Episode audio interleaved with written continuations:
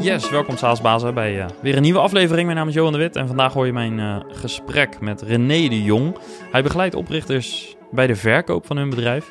En hij deelt vandaag een enorme hoeveelheid tips over dat proces. En misschien denk jij nu, ik wil mijn bedrijf eigenlijk helemaal niet verkopen, dus dit gesprek is niet interessant voor mij. Dan nodig ik je uit om toch nog een paar minuten te blijven luisteren. Want je zult horen dat de tips die René geeft niet alleen waardevol en toepasbaar zijn voor founders die willen verkopen, maar eigenlijk voor iedere founder. Dus uh, blijf vooral even luisteren. Maar eerst een dank aan onze sponsor Leadinfo. Want met Leadinfo zie je welke bedrijven jouw website bezocht hebben. En bovendien kun je Leadinfo eenvoudig koppelen aan je CRM-systeem. Het koppelt met vrijwel alle CRM-systemen die ik uh, ben tegengekomen in, uh, in SaaS. Um, en dat is makkelijk, want daarmee uh, ja, worden de websitebezoekers die voldoen aan bepaalde criteria uh, naar jouw uh, sales of naar jouw CRM gestuurd. Wat het makkelijker maakt voor sales om het op te volgen en ook ja, interessante informatie is voor je marketingteam. Dus als je dat wilt proberen, doe dat via leadinfo.com slash saasbazen en ontdek hoe het werkt. Ja, en dan kunnen we door naar het gesprek met René. Let's go! Ja, René, welkom in de Saasbazen podcast. Ja, leuk hier te zijn. Ja, jij bent ex-Saasbaas. Klopt. Um, dus dat betekent dat je een bedrijf verkocht hebt. Ja, uh, klopt, vond, ja. Je vond dat zo'n leuk proces dat je andere SaaS-bazen daarmee bent gaan helpen met hun exit. Ja, dat klopt zeker, ja. Ja, het was een leuk proces, maar ook een heel intensief proces, moet ik zeggen. Ja. Um, dus uh, ja, uh, het leek me leuk om daar inderdaad SaaS-bazen mee te gaan helpen. Ja, cool. Nou ja, vandaag gaan we dat doen uh, via deze podcast. Ja. Um, maar kun je ons een beetje meenemen in uh, nou, dat exit-verhaal? Gewoon even in een paar minuten van wat was het bedrijf, wat deden jullie en, en hoe heeft die exit er ongeveer uitgezien? En later gaan we nog wel een paar keer terugkomen wellicht op wat anekdotes uit dat proces. Maar kun je ons een beetje een inleiding geven? Ja, ja. Nou ja, ondertussen zijn het al een paar exits geweest. ik was 25 toen ik mijn eerste bedrijf begon. Het was geen SaaS-bedrijf, maar was wel een tech-bedrijf. Uh, detacheringsbedrijf in dit geval. En uh, ja, in zes jaar tijd had ik op een gegeven moment twintig man aan het werk en dacht ik van ja, is dit het nog wel voor mij? Uh, en toen ben ik eigenlijk best wel plots uh, gestart met dat verkoopproces. En nou, als ik nu dan terugkijk, dan kan ik wel zeggen dat ik daar veel dingen anders had willen doen als ik de kennis had die ik vandaag heb. Ja. Um, en hetzelfde geldt bijvoorbeeld voor een bedrijf waar ik investeringen op heb gehaald. Uh, eerste miljoen en daarna naar 7 miljoen aan de slag gegaan. En uh, elke keer weer dat ik in dat proces zat, merkte ik van... hey, uh, dit werkt wel, dit werkt niet. En ja, vandaag de dag breng ik de, de praktijk bij andere SaaS-bedrijven. En, ja en andere tech-ondernemers. Ja. ja. en uh, vandaag gaan we met name praten over het voorbereiden. Dus hoe, hoe bereid je je voor als uh, SaaS-bedrijf of SaaS-baas uh, ja. op, op dat proces, op, op een exit. En om meteen de diepte in te gaan, um, in de praktijk, zowel bij jezelf als bij SaaS-bedrijven die je begeleidt of hebt begeleid, wat zie je nu als nummer één uh, fout of struggle die um, SaaS-bazen vaak maken in dat proces? -hmm.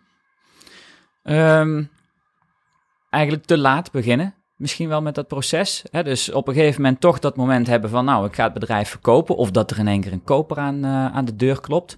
Uh, en eigenlijk dat te laat beginnen. En niet beseffen dat eigenlijk een exit-strategie... al twee tot vijf jaar voor jouw exit echt gaat plaatsvinden. Uh, ja, dat, dat is vaak de fout. En die fout, dat is eigenlijk ook misschien wel mijn nummer één fuck-up destijds geweest. Uh, voor mij was het op een gegeven moment gewoon klaar. Ik was ja, rond mijn 31ste. Ik had zoiets van, nou, dit heb ik nou zes jaar gedaan. Ik ben wel toe aan iets anders.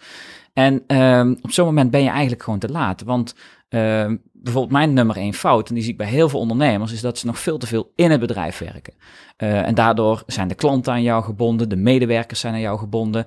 Uh, en dat zijn meteen, ik noem dat even discounts, uh, die direct terugkomen in de waarde van jouw bedrijf. Ja, dus dat merk je eigenlijk in de onderhandeling, dat de koper eigenlijk meteen een gat schoot in je operatie. Zei van, het is te afhankelijk van direct. jou. Ja, ja direct. Want ze zijn dan bang, hey, je personeel gaat misschien lopen, je klanten gaan misschien lopen. Dus er zijn allemaal discounts die ze mee gaan nemen.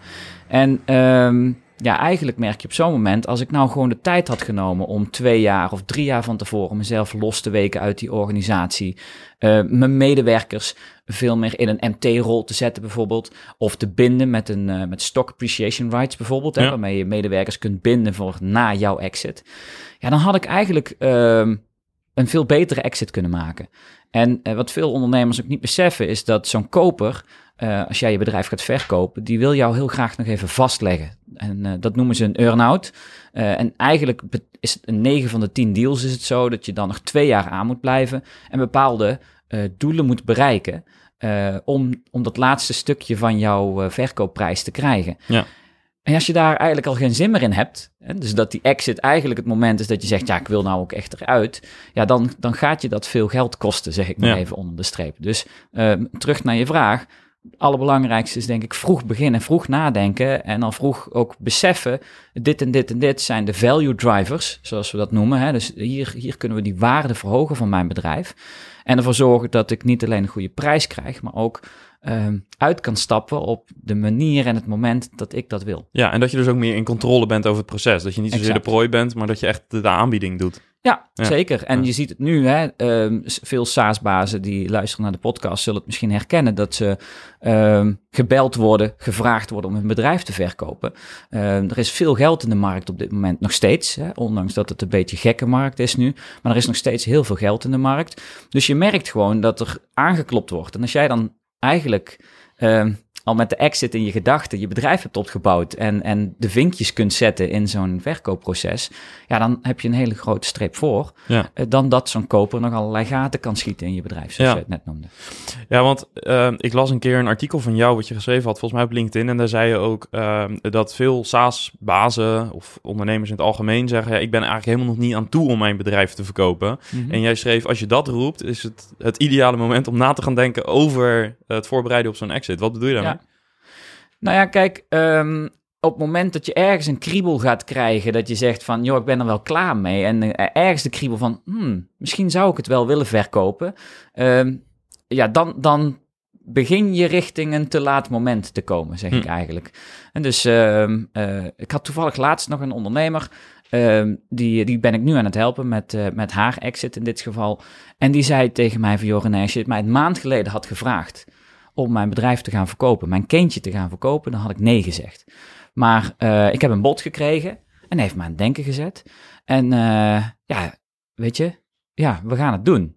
Ehm, maar eigenlijk is dat dan, ja, dan ben je eigenlijk al een beetje te laat. Nou, het geluk is dat zij heel veel dingen goed op orde heeft. En nou, eh, ik denk dat we daarmee een hele mooie exit kunnen maken. Alleen, ehm, ja, dat is denk ik wel een toevalstreffer. Want in veel gevallen is het dus nog niet goed genoeg op Ja. orde.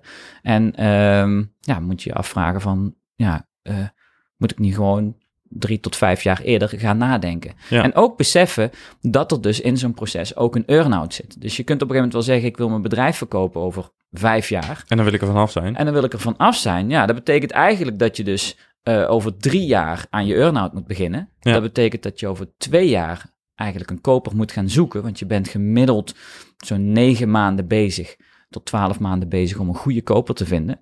eh, die past bij jou en bij je bedrijf en die ook de beste prijs biedt. Ja, daar heb je eigenlijk nog maar twee jaar voorbereiding over. Ja.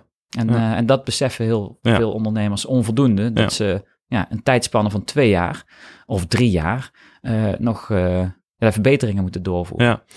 En, en is het ook niet zo dat eh, er zijn boeken als Build to Sell en, en allemaal dat soort boeken, Ja. ehm, die gaan over het, eh, het meer onafhankelijk maken. Dus eigenlijk van founder-led naar het werken met een managementteam, zoals je zo al zei. Ja. Eh, is het zo, zo dat je eigenlijk los van een exit-wens of exit-behoefte, dat je eigenlijk sowieso al moet gaan kijken naar hoe kan je je or- organisatie, je bedrijf zo bouwen dat het niet meer afhankelijk van je is. Ook als je helemaal niet die wens hebt. Maar het is sowieso denk ik toch een hele goede motivatie om na te denken... hoe kan dit zonder mij autonoom draaien? Ja, zeer zeker. Ehm, eh, kijk, het, het voordeel eraan is inderdaad dat je ehm, ja, een, een, een organisatie creëert die makkelijk te verkopen is. Anderzijds, ehm, ik zie ook ondernemers en ik ken een aantal SaaS-bazen die op een gegeven moment gewoon een cash cow hebben gebouwd. En gewoon hebben gezegd, ja luister, eh, ik heb dit nou 15 of 20 jaar gedaan. Ik heb een MT ingericht, ik heb mezelf eh, overbodig gemaakt. En ik ga bezig met andere dingen. En ik hou dat bedrijf wel aan als aandeelhouder. Ja. Ik geef een plukje van mijn aandelen weg aan, of verkoop ik aan mijn personeel, zodat die gebonden zijn en zodat die gemotiveerd zijn. Maar ik maak gewoon een grote stap terug en die, die bouwen een cash cow. Ja. En die verkopen hun bedrijf nu nog niet, want die hebben zoiets van, ja luister, ik kan het verkopen. Dan heb ik 10 miljoen op de bankrekening, maar dat kost me eigenlijk alleen maar geld. Eh, maar ik kan ook zeggen van, joh, ik blijf aan en ik vang ieder jaar een eh, x eh, bedrag aan dividend. Ja. Dus ehm, ehm, een exit hoeft niet altijd het doel te zijn. Al zie ik wel, ja, de cash cow route noem ik het dan maar even, die zie ik weinig. Ja. Vaak zie je toch dat de ondernemer op een gegeven moment zegt van ik wil toch het doorknippen. Eh, want je blijft toch op een bepaalde manier betrokken. Ja. En eh, hè, dat Ja. zie je bijvoorbeeld de, de CEO van, eh, van Starbucks, vind ik een mooi voorbeeld. Ehm, Howard, die is al een aantal keer, drie keer nu ondertussen teruggekomen. Omdat hij toch verbonden bleef bij Starbucks. En elke keer als er dan echt weer ja, problemen zijn, dan moet hij toch weer terugkomen. Ja. Ja. En dat, eh, op een gegeven moment zijn er ook veel die zeggen van ik wil dat doorknippen. En, eh, en dan wil ik het ook echt verkopen en Ja. iets anders gaan doen. Ja. Alright. ehm, en op het moment dat we gaan kijken naar het proces van ehm, ja, het, het creëren van enterprise value, of eigenlijk eh, juist tegenovergestelde, zorgen dat die discounts of, en dat die bottlenecks niet meer in je organisatie zitten. Ja. Ehm, kun je een aantal zaken noemen die je moet doen om je bedrijf goed voor te bereiden op zo'n exit? Zeer zeker. En eh, misschien is het dan wel goed om even een stapje terug te maken, want je zegt net inderdaad die discounts. Kijk, een bedrijf wordt uiteindelijk gewaardeerd, en vaak een SaaS-bedrijf, eh, met eh, behulp van de DCF-methode. En dat staat voor de Discounted Cashflow-methode. En dat betekent inderdaad dat een koper die gaat kijken naar jouw organisatie. En die, dat doet hij op basis van de toekomstige groeiprognoses. Daar, daar draait de DCF-methode echt om. Dus eh, heb jij een groeiplan en kun jij groei laten zien. En vervolgens aan de andere kant gaan ze daar de discounts zoeken. Dus ze gaan kijken naar de dingen eigenlijk waarvan ze zeggen, ja, die hebben een impact op die eh, uiteindelijke groei en, en of we dat ook echt gaan halen. Nou, en ehm, in zo'n proces, daar gebeurt op een gegeven moment, gaat er een due diligence onderzoek plaatsvinden. En dat is een boekenonderzoek. Dus de koper die gaat eigenlijk aan jou vragen van, joh, laat mij eens alles zien en ik wil weten of er lijken in de kast zitten. En heel veel SaaS-bazen denken dat dat dan vooral een heel financieel onderzoek is. Hè? We gaan de financiële dingen kijken, juridische dingen kijken en fiscale dingen kijken. Maar eigenlijk is dat maar één pijler. Dus het, het financiële deel is wel waar ze vaak mee beginnen. Maar vervolgens komen er nog drie belangrijke hoofdonderwerpen. En ehm, de eerste bij SaaS-bedrijven is eh, de commerciële kant. Ehm, dus ze gaan kijken naar eh, ja, hoe zit jouw sales funnel in elkaar? Hoe zit je marketingproces in elkaar? Ehm, Total addressable market is denk ik een hele belangrijke. ja, super belangrijk. Hè? Ehm, en, en zeker ook, hè, heb jij al internationaal eh, je, je strepen verdiend? Of is het alleen maar nationaal? En wat voor marktaandeel heb je? Hoe makkelijk kan ik in andere branches aan de slag? Dus dat zit echt in dat commerciële stuk. Ze willen gewoon kijken van, hey, hoe zit dat op orde? Dan het tweede wat heel belangrijk is natuurlijk, is de technische kant van, eh, van het bedrijf. En, ehm, eh, want, want ja, het draait Het om is een techbedrijf. de software, Ja. de tech, eh, precies, daar draait het om. En ehm, wat dan vaak gebeurt, is dat er een externe partij wordt gevraagd om jouw vlees te gaan keuren. Heel logisch, zul je zeggen. Maar wat heel weinig ondernemers weten, is dat daar wordt een ISO bij gebruikt. De ISO 25010. Ik weet niet of jij er ooit van hebt gehoord. Maar de ISO 25010, eh, die... ehm, Ik ja, schud het trouwens nee. Ja, je schudt het dat, nee. hoort- Ja, dat, hoort, dat hoort te luisteren. Klopt, ja, ik zag het wel. Ehm, die, eh, die ISO die gaat kijken bijvoorbeeld naar hoe zit security in, in elkaar. Hè? Tegenwoordig ontzettend belangrijk. Hoe zit het met je performance? Hè? Dus als we gaan schalen, kan die software of jouw tech, kan die het aan? Eh, portability, functionaliteit, ehm, maar ook hoe is je code stack opgebouwd? Gebruik je eh, eh, methodes waardoor het makkelijk overdraagbaar is? Dus die technische kant is super belangrijk. en ehm, eh, tot slot hebben we dan nog de operationele kant. En die operationele kant gaat om, ja, hoe heb jij alles georganiseerd? In welke mate ben je bijvoorbeeld geautomatiseerd? Hè? Heb jij je bedrijf van A tot Z geautomatiseerd? Ehm, hoe zit het met afhankelijkheden, waar we het net al over hadden? Hè? Die afhankelijkheid van jou, maar ook zeker van je key personeel. Ehm, eh, dus, ehm, dus ja, het zijn echt die, eigenlijk zeg dus vier pijlers. Hè. De eerste pijler die ik noemde, die financiële kant, die voor iedereen eigenlijk een open deur is. Maar daarnaast de commerciële kant, die technische kant en die operationele kant. En, ehm, en daar zit gewoon heel veel eh, vaak verbeterpotentieel en, Ja. en ook eh, ja, kansrijke manieren om jouw bedrijfswaarde te verhogen. Ja. En, en wat zou je in het algemeen, met name aan de operationele kant, kunnen doen? Eh, zeg maar in een heel vroege fase, dus eigenlijk vandaag al. Dus de luisteraar die, die misschien nog niet eens aan die exit denkt, maar Mhm. het open houdt voor de toekomst. Ehm, wat is nou echt het nummer één eh, actie die je kunt ondernemen om aan de operationele kant je organisatie al klaar te maken voor een mogelijke exit in de toekomst? Ja, ik denk dat die nummer één toch steeds weer terugkomt op ehm, de rol van jou als ondernemer daarin. En hoe, in welke mate werk je in je bedrijf versus aan je bedrijf. Um, uh, gewoonweg omdat dat echt een, een, een killer kan zijn voor de, voor de prijs. Uh, en wat kun je daar dus in doen? Uh, nou, ik heb bijvoorbeeld ondernemers, daar ben ik drie jaar geleden mee begonnen. En die, uh, ja, die werkt echt helemaal in hun bedrijf. Dus ik zei toen ook voor jou, luister, als we jouw bedrijf gaan verkopen, moet je rekening houden met dat je twee jaar lang in dat bedrijf moet blijven werken. Um, ja, eigenlijk ben je dan geen ondernemer meer, maar ja, je werkt dan gewoon voor de koper.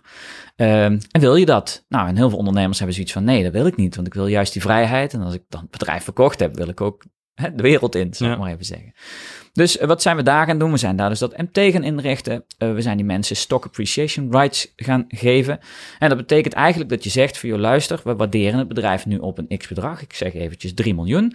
Uh, beste Pietje, jij krijgt een stock appreciation right van 10%. Dat betekent alle waarden die wij in de komende jaren op dit bedrijf stapelen boven die 3 miljoen, daar krijg jij 10% van. Uh, plus, ik kan dan ook nog wat dingen afspreken over dividend wat je krijgt, noem het maar op. Maar wat je dan eigenlijk aan het doen bent, is je bent die pietje ben je aan het binden aan jouw bedrijf. Met zo'n vooruitzicht ook op een stukje groei en exit en noem het maar op. Uh, maar zet in zo'n stock appreciation right dan bijvoorbeeld ook vooral meteen iets als... Uh, als ik het bedrijf verkoop, moet jij nog twee jaar aanblijven of een jaar aanblijven.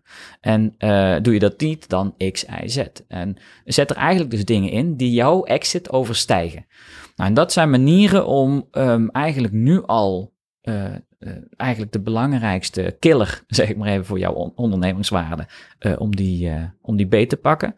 En de tweede is voor mij toch wel, als we het hebben over een SaaS-bedrijf, het, het draait heel veel om schaalbaarheid. Um, en daar praten we altijd over. Hoe schaalbaar is je bedrijf?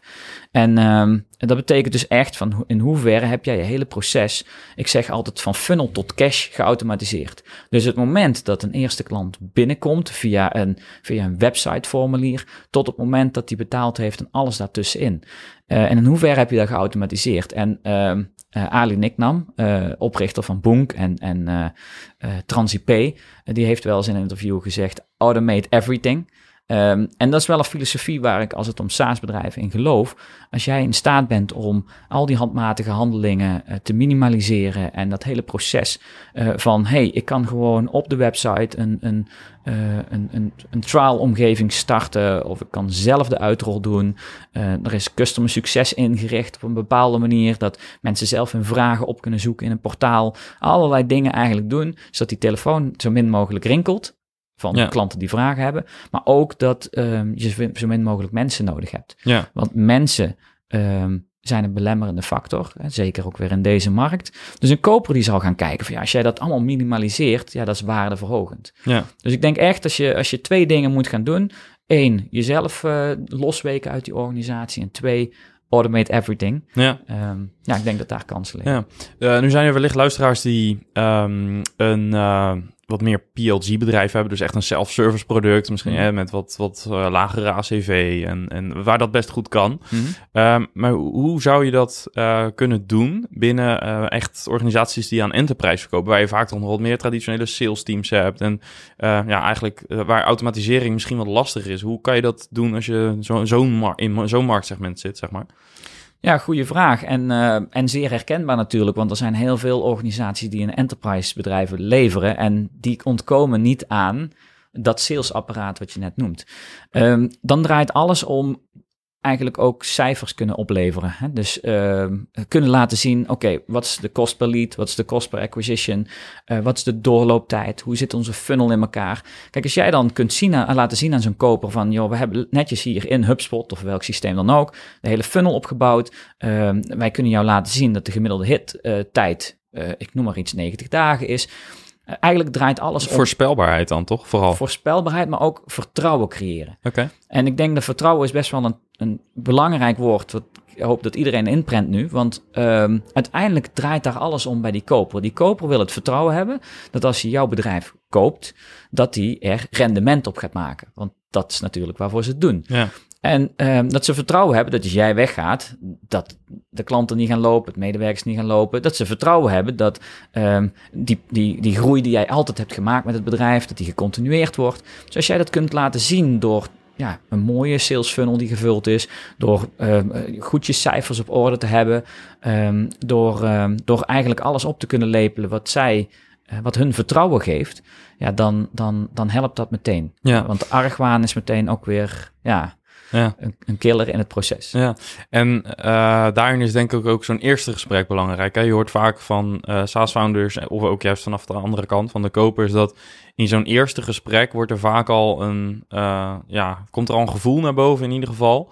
Ehm, in hoeverre eh, er een fit is. Dat is natuurlijk niet alleen met het verkoop van een bedrijf, dat is ook als je een eh, sollicitant hebt. Maar Ja. zeker ook in de verkoop van zo'n bedrijf is het vaak heel belangrijk om snel te laten zien dat je je data op orde hebt en dat soort zaken. Ja. Wat, wat is een beetje, eh, wat, wat zijn jouw adviezen voor die eerste gesprekken? Wat moet je vooral als founder heel goed op orde hebben voor zo'n eh, voor zo'n eerste ronde? Ja, ehm, het begint eigenlijk altijd al met hoe jij je pitch deck en je financieel memorandum in elkaar hebt zitten. En ehm, ehm, ja, zelfs al klopt iemand bij jou op de deur, is het gewoon heel goed om die twee dingen goed op orde te hebben. Ehm kanttekening, ga je zelf je bedrijf verkopen, eh, begin altijd, doe het altijd eerst anoniem.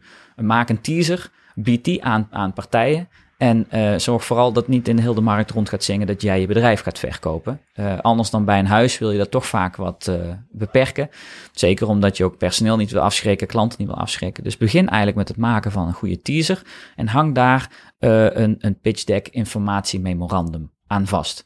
En in dat memorandum geef je eigenlijk eh, inzicht in de value drivers van een bedrijf. Dus je vertelt iets over, oké, hoe zit het qua personeel, hoe zit het qua automatisering, hoe zit het qua techniek die we gebruiken. Eh, maar laat ook vooral die plannen zien. Hè? Want dat, wat ik zei toen straks over die discounted cashflow methode, draait ook om potentieel kunnen laten zien.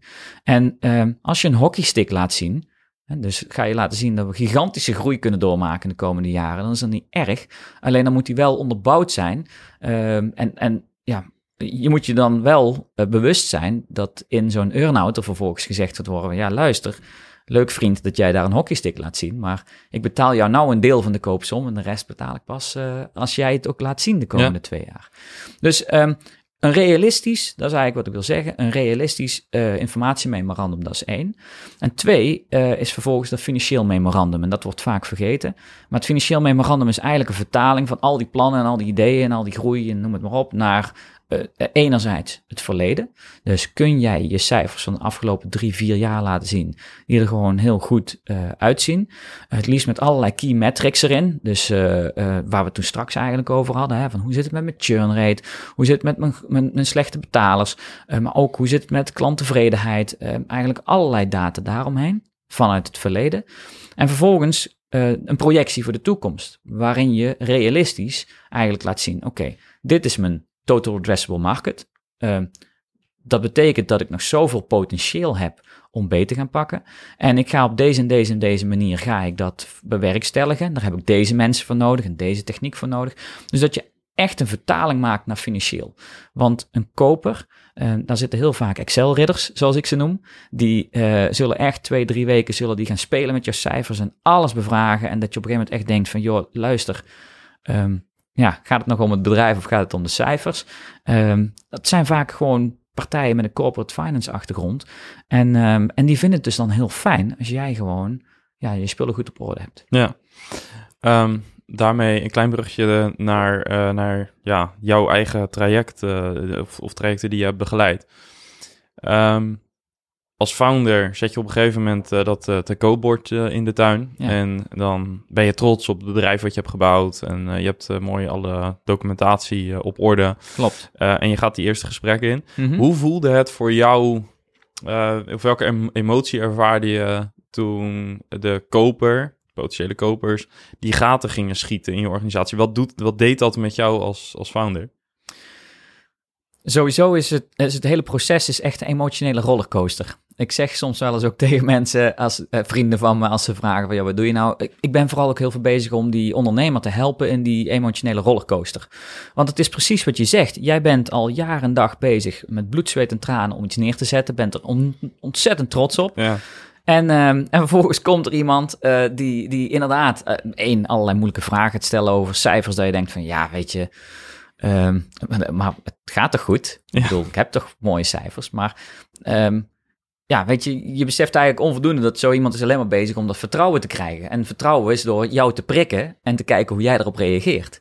En, uh, en, en, en ja, uh, dat, dat deed zeer zeker veel met me. Uh, zelfs tot hè, op, op, een gegeven moment een bepaalde koper dat ik zei van ja, luister, dit gaat hem gewoon niet worden. Want ik heb het idee dat die persoon ook gewoon helemaal niet snapt wat ik aan het doen ben. En ehm, en hoe kijk je achteraf terug op dat gevoel? klopte dat ook? Want, of, of was het echt dat zij echt legitiem eigenlijk aan het schieten waren op je nee, Nou, en die, en die ene persoon, dat was echt, ja, weet je, achteraf gezien, waarom ben ik daarmee in gesprek gegaan? Hè? En daar gaat het ook vaak fout. Je gaat met mensen in gesprek waar je eigenlijk helemaal niet in gesprek moet gaan. Maar misschien later daarover meer. Maar, uh, maar de andere, Zeer zeker. Weet je, eh, eh, ik, ik was me helemaal niet zo bewust van dat ze verder kijken dan alleen maar financiële stukken. Ik was helemaal niet zo bewust van, oh, dan gaan we ook een commercieel due diligence doen. En we gaan ook een technisch due diligence doen. En we gaan ook een operationeel due diligence doen. En ik dacht, ja, weet je, mijn accountant heeft altijd gezegd, je moet je cijfers goed op orde hebben. Ja, dat snap ik, want uh, daar verdient hij geld aan.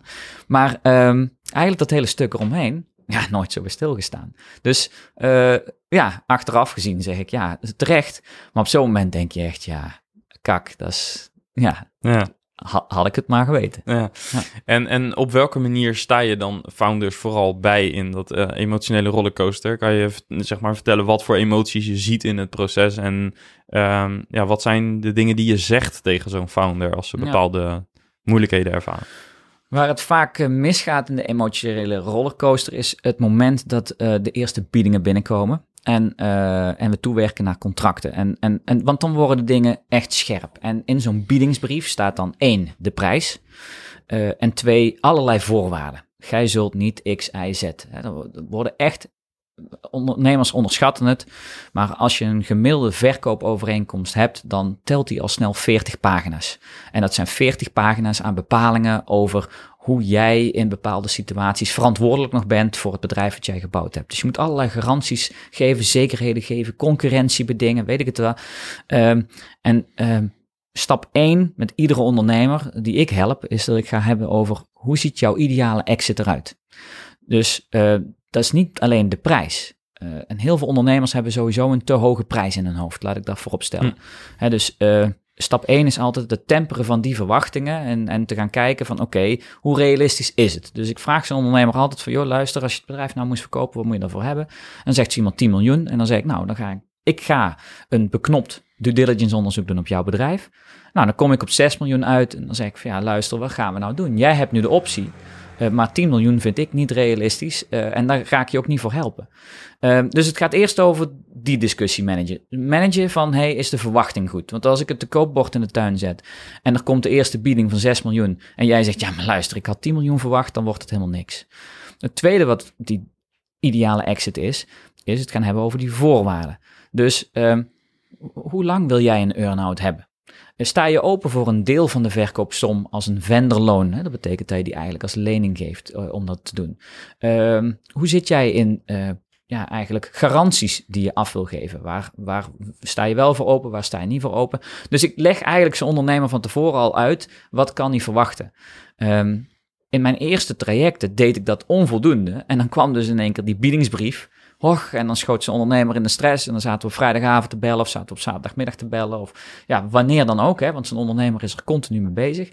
Dus uh, daarom, bij mij begint het altijd met, wat is jouw ideale exit? En dan ga ik kijken naar, oké, okay, uh, hoe realistisch is dat en waar schiet ik gaten in? En wat zou er in mijn biedingsbrief naar jou staan? Hè? Dus wat zou jij eigenlijk kunnen verwachten als ik het bedrijf nou zou kopen? En uh, daarmee manage ik al heel veel van die emotie. Ja. Uh, neemt niet weg dat gaandeweg we naar die, uh, naar die handtekening gaan, ja, die emotie die, die wordt alleen maar meer en meer, want het wordt op een gegeven moment ook wel echt. En ik moet het mijn medewerkers gaan vertellen en hoe gaat dit en hoe gaat dat. En eigenlijk zorgen dat continu dat proces geborgd wordt, ja, dat is wel een uh, hoofdtaak daarin. Ja. En um, als je in die uh, onderhandelingsfase zit, dat je op een gegeven moment wel echt de intentie hebt om met elkaar door te gaan, maar je merkt dat je in de onderhandeling terechtkomt uh, met, over voorwaarden, over prijs, dat soort zaken. Um, hoe hou je zeg maar, de gesprekken op de goede temperatuur? Dat je enerzijds zorgt dat je je eigen belang nog goed verdedigt, maar aan de andere kant ook als de deal doorgaat, wil je ook met die nieuwe koper, je bent straks onderdeel van het team, even uitgaande van een earn-out constructie. dus hoe hou je de goede temperatuur in dat soort pittige onderhandelingen? Ja, nou ja, um, het, eerste belangrijke is eigenlijk dat je zorgt dat die intentieverklaring, dat je die tekent met elkaar, dat die goed in elkaar zit. En ik zie te vaak dat er een intentieverklaring getekend wordt. Hè. Zie je het als, als je een huis verkoopt, heb je voorlopige koopovereenkomst. Ehm, daar wil je eigenlijk al heel veel onderwerpen besproken hebben, die later op voor gezeur kunnen leveren. Dus bijvoorbeeld, ik heb wel eens intentieverklaringen gezien van twee pagina's. Er wordt ook wel eens een term sheet genoemd, bijvoorbeeld, of een letter of intent. Uh, en dan van twee pagina's. Maar nog veel te veel open eindjes. Dus die open eindjes, die gaan we daarna met elkaar bespreken. Maar dat heeft een nadeel voor jou als verkoper.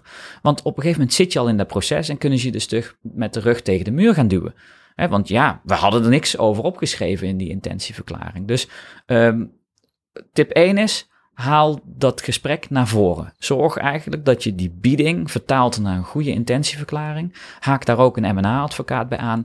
En zorg ervoor dat je daar eigenlijk de, belangrijke hete hangijzers er al uithaalt. En ook afspraken maakt over, hey, als jij dit vindt in technisch due diligence, dan dat. Of als je dit vindt in de commercieel due diligence, dan dat. Dus probeer al wat dingen naar voren te halen in die discussie. Uh, vervolgens gaat dat due diligence plaatsvinden. In de tussentijd maakt de koper een, uh, een SPA, zoals dat heet. Dat is een Share Purchase Agreement. Uh, en dat zijn eigenlijk dus de contracten. En die krijg jij dan aangeleverd. En ik zei al, dat is minimaal 40 pagina's de SPA. Maar vaak krijg je dan ook nog een, een managementovereenkomst. En misschien is er nog een lening in, aan bod. En misschien wil je een stukje doorrollen. Dus er komt daar een hele zwik aan documenten. En... Um, dan gaan die onderhandelingen inderdaad plaatsvinden. En uh, dan hangt het af van wat voor partij heb je tegenover je. Um, veel SaaS-bazen zullen Main Capital kennen. Uh, Main Capital doet dit al ontzettend lang en doet dit ontzettend goed, dit werk. Uh, en die hebben gewoon standaard overeenkomsten. En dan zeg ik tegen een koper, die zegt ik wil naar Main Capital. Dan zeg je, luister, nou kunnen we die hele overeenkomst gaan uitonderhandelen. Maar eigenlijk is dat misschien al 80, 90 procent zoals zij het overal willen doen. Pick your battles. Ga bepalen wat is voor jou echt belangrijk. En daar gaan we op onderhandelen. En dat is vaak prijs, en dat is vaak die earn-out, en dat is vaak de constructie waarin uh, de betaling gaat plaatsvinden. En het gaat over garanties. Maar kies daarin de dingen die heel belangrijk zijn. Ga ja, en niet... ga niet van ja, alles vanuit jouw perspectief proberen ideaal te krijgen. Dat is eigenlijk wat je zegt. Ja, want dat gaat niet gebeuren. En zeker bij een, een dergelijke professionele koper. Um, en, en die zijn er tegenwoordig natuurlijk ontzettend veel. Hè? Ik bedoel, heel veel SaaS-bazen zullen het rijtje zo op kunnen noemen. Um, maar, maar ben je dan bewust van, oké, daar zit gewoon een groot stuk standaard in. En uh, ga echt voor die dingen uh, de ijzers uit het vuur halen ja, die voor jou heel belangrijk Ja, want dat heeft al hun legal check gepasseerd. Dus dat scheelt je heel veel gedoe in het uh, proces. Nou ja, ik heb laatst heb ik een SaaS-bedrijf geholpen um, die, die wat ook richting Main ging. En ja, die bleven maar doorzeuren over de puntkomma's. En ja, weet je, eh, dat, dat, dat maakt het proces niet goed. Want dat was eigenlijk jouw vraag ook. Van joh, uh, je moet daarna nog door met zo'n partij. Dat maakt zo'n proces niet goed. Want als jij over al die puntkomma's door gaat zagen, um, dan voelt dat ook zo. Ja, dat gaan we dadelijk in het traject daarna ook doen. Uh, wat dan ook werkt is natuurlijk om, hè, zonder uit eigen parochie te preken, uh, iemand als mij in te huren, want laat mij die gesprekken doen. Dus laat mij in ieder geval zorgen voor, laat mij maar de bad guy zijn. Ja, um, uh, dus, dus zorg dat je een M&A-adviseur hebt, dat is eigenlijk wat ik wil zeggen, die, um, die gewoon jou helpt en die voor jou die ijzer uit vuur haalt. Want jij wil eigenlijk die emotie er al uithalen en daarom, we moeten dat proces ook zo kort mogelijk houden. Uh, je wil niet eh, vijf, zes keer het heen en weer hebben. Je wil niet vier, vijf weken, dan gaat, daar heb ik het echt dan over, met elkaar onderhandelen. Nee, je wil een slimme intentieverklaring. Die moet gewoon goed in elkaar zitten en dan moet, moet het meeste in gecoverd zijn. En dan moet er een goede SPA komen waarin je eigenlijk nog gewoon ja, een aantal basiselementen beetpakt. Ja. Um, het uh, delen met uh, het team, dus, dus ja, dit soort beslissingen delen met het team. Uh, in, in welke fase doe je dat? Um, heel veel ondernemers die hebben zoiets van, ja, ik moet er vooral niks over vertellen en uh, uh, ik ga dat pas echt aan het eind doen. En um, 9 van de 10 keer gaan die dat toch voelen. Want die zien dat jij in één keer meer samen zit met iemand, een M&A-adviseur of met, met je accountant. Of hey, er komen in één keer gekke mensen of je hebt in één keer afspraken in je agenda die geblokt zijn, terwijl nooit iets geblokt is. Dus um, wat ik vaak zeg is voor jou, ga nadenken over wat vertel je je mensen uh, en, en wie vertel je het ook. Um, en nou, wat ik vaak zeg is van joh, ben tot een bepaalde manier open. Dus ga bijvoorbeeld zeggen van joh, luister team, Eh, en dan vooral het MT-team. Ga niet het hele bedrijf er misschien over informeren, maar begin met je MT-team en zeg: luister, ehm, ik wil op zoek gaan naar een strategische partij om mijn SaaS-bedrijf naar de volgende, het volgende level te brengen. En uh, ik ga dus op zoek naar partijen waar we mee kunnen gaan fuseren of wat dan ook. En uh, dat biedt ons als bedrijf gewoon een geweldig mooie kans. Uh, dus zet dat MT eigenlijk in de stand. Ja, dit is vet. Um, en dat jij vervolgens al je aandelen verkoopt. Of 75% of 10% of weet ik het wat. Dat doet er niet toe. Eigenlijk tot dat moment. Uh, want je gaat gewoon als bedrijf toewerken naar die volgende stap. En hoe die eruit ziet, weet je nog niet. Maar ik zou het eigenlijk altijd communiceren als. Um, ja, weet je, we gaan een volgende stap maken. Ik ga op zoek naar een partij om. Uh, en dat vinden mensen ook weer gaaf, want dat biedt ook perspectief. Um, want ik heb ook ondernemers die zeggen: Ja, ik zeg helemaal niks. Nou, en dan is het de handtekening gezet en dan staan ze voor de groep. Ja, en dan gaat zo'n groep natuurlijk vol in de emotie. En wat gaat er dan gebeuren? En zien het totaal niet aankomen. Dus vaak is dat ook niet iets wat de koper heel fijn vindt. Uh, want zo'n koper, uh, die wil vaak ook al mensen spreken in zo'n due diligence onderzoek. Hè? Dus uh, die willen de commercieel directeur spreken. Ja om het commerciële stuk te bespreken. Ja, die willen, ook die willen vooral vertrouwen hebben in het managementteam natuurlijk. In het managementteam, ja, ja. ja. Dus die willen die mensen ook spreken en zien en een gevoel krijgen. Die willen een keer op kantoor komen. Want het is uiteindelijk ook, je koopt de vent en dan de tent. Um, dus, dus dat is super belangrijk. En, en die mensen gaan ze bevragen, want ze gaan vragen stellen over die commerciële funnel. En ze gaan vragen stellen over hoe het operationeel is ingericht. En ze gaan vragen stellen over technische dingen. Dus daar hebben ze meerdere mensen in jouw organisatie voor nodig. Dus je kunt het bijna niet uh, stilhouden. En dan zeg ik, kies dan voor een strategie waarbij je zegt van nou, ik maak er iets moois van voor allemaal. En dat ik dan de ambitie heb om 100% van mijn aandelen te verkopen of 20%, ja, dat is in, niet relevant op zo'n ja. moment. Ja. ja. Uh, ik zou willen afsluiten met een wat meer persoonlijke vraag. En, Ja. en dat is, uh, je hebt zelf uh, dat emotionele rollercoaster meegemaakt, meerdere keren. zowel in je eigen rol als natuurlijk als, als begeleider of als Ja. M&A-specialist. Um, wat, wat is jouw drijf om ja, dit proces te doorlopen met, met jouw klanten in dit geval? Dus, dus ja, waarom, wat, wat drijft jou om dit werk te doen? Um, het is elke keer weer een, ja, elke keer weer is het helemaal anders. Dus uh, ondanks dat SaaS-bedrijven, dat denk je van ja, die lijken toch allemaal op elkaar. Nee, want het zijn al, altijd weer andere ondernemers. Het zijn altijd weer andere uh, type producten of branches of wat dan ook. Uh, dus uh, dus ik ben echt een projectenman en dit is echt een project natuurlijk. Hè. Je gaat met elkaar echt uh, 9 tot 12 maanden aan de slag. En met sommige bedrijven heb ik dus al dat ik twee, drie jaar van tevoren aan de slag ga.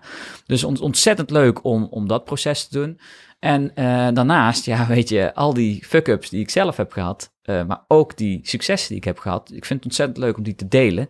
En uh, om, om eigenlijk ondernemer echt te helpen, ja, om elke keer weer het maximale eruit te halen. En elke keer weer ook de beste prijs, beste voorwaarden, echt voor, voor mijn ja, klanten door het vuur gaan. Um, en dat vind ik gewoon, ja, het geeft me echt genoegdoening als dan weer, hey, die handtekening staat en, en mensen trots zijn en een champagne momentje. En nou ja, goed, jullie hebben al gehoord, ik kom uit Brabant, dus dan komen er ook altijd bosse bollen mee. dus, uh, dus weet je, dan is de, ja, dat, dat moment van hard werken, uh, echt, echt gas geven en dan, ja, die op een gegeven moment dat moment van, hey, het is weer gelukt, dat feestmomentje, dat is elke keer wel leuk. Ja, mooi. Ja. Wat doet het met je als het niet lukt? Of, of Ja. niet lukt op de manier zoals je het uh, graag voor je ziet? Ja, ook wel eens gehad. Ja. Um, is, is, is, is pijnlijk. Uh, vooral ook omdat het voor de ondernemer, die zijn bedrijf wil verkopen vaak, heel veel pijn doet. Hè? Want die is dan toch teleurgesteld, want die wil heel graag. Um, dus, uh, dus ja, het is, het is voor die persoon ook. Ja, je, op een gegeven moment dan ga je ook mentaal wel afscheid nemen van je bedrijf al. Ik heb zelf recent mijn huis uh, verkocht en een nieuw huis gekocht. En ik had nooit gedacht dat ik zo snel op een gegeven moment al mijn huis, hè, dat ik mijn oude huis zo zou, dat ik dat niet meer zo zou missen. Maar dat komt omdat je al, je neemt afscheid. En, en dat geldt bij je bedrijf net zo. Dat heb ik bij mijn bedrijf ook gemerkt. Je, je gaat op een gegeven moment afscheid nemen in dat proces. En als dat proces dan toch op het laatste moment niet doorgaat, en je moet dus toch, ik zeg even, je oude huis blijven zitten, of in dit geval in je bedrijf blijven zitten, ja, dan, dan is dat voor zo'n ondernemer echt een, uh, een, een bittere pil. Ja. En, en dat trek ik mezelf dan natuurlijk ook uh, erg aan. Uh, gelukkig heb ik het pas één keer gehad, dus, uh, dus daar ben ik heel blij mee. Maar dat is wel, ja, dat is gewoon wel heel kloten. Ja. Ja. ja. Ik wil toch positief afsluiten. Ja, precies.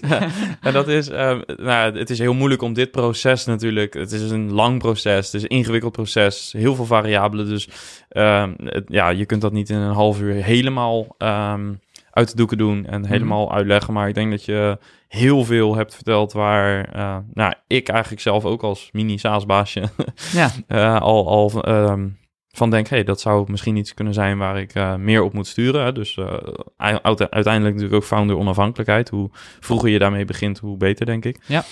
Um, dus voor mij persoonlijk is dit heel waardevol. ik denk ook voor de luisteraar. Dus bedankt in ieder geval daarvoor. Fijn.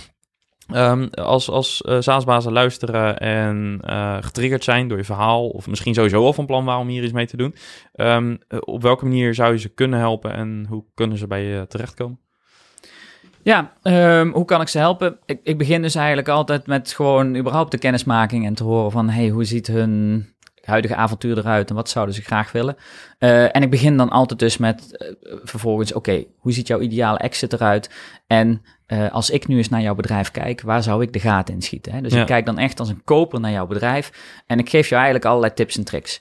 En uh, ik ga jou gewoon, net zoals hè, je laat je huis taxeren, dan komt er iemand en die zegt, joh, ik zou die kozijnen vervangen, ik zou dit doen, ik zou dat doen.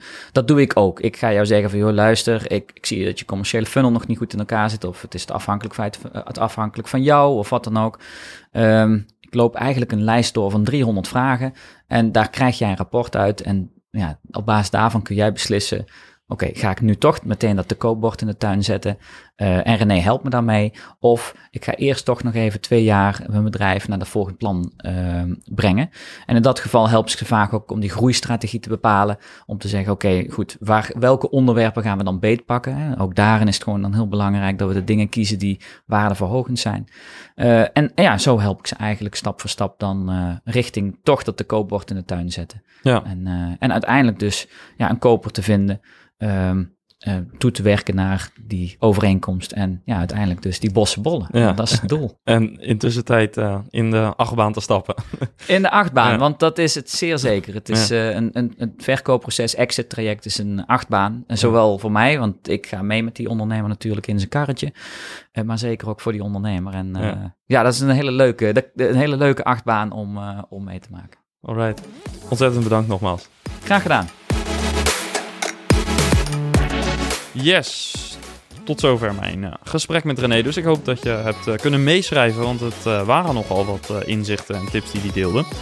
En ik hoop dat je daarmee ook meteen vandaag nog aan de slag kunt. kijk even in de show notes hoe je René kunt bereiken. Goed, wil je meer van dit soort gesprekken horen? Abonneer je even op deze podcast en vooral word lid van SaaSbazen. Want we proberen natuurlijk zoveel mogelijk SaaSbazen te helpen. Maar voor leden gaan we eigenlijk nog net een stapje verder. Dus uh, kijk op saasbazen.nl en uh, sluit je lidmaatschap af. Tot volgende week. Ciao.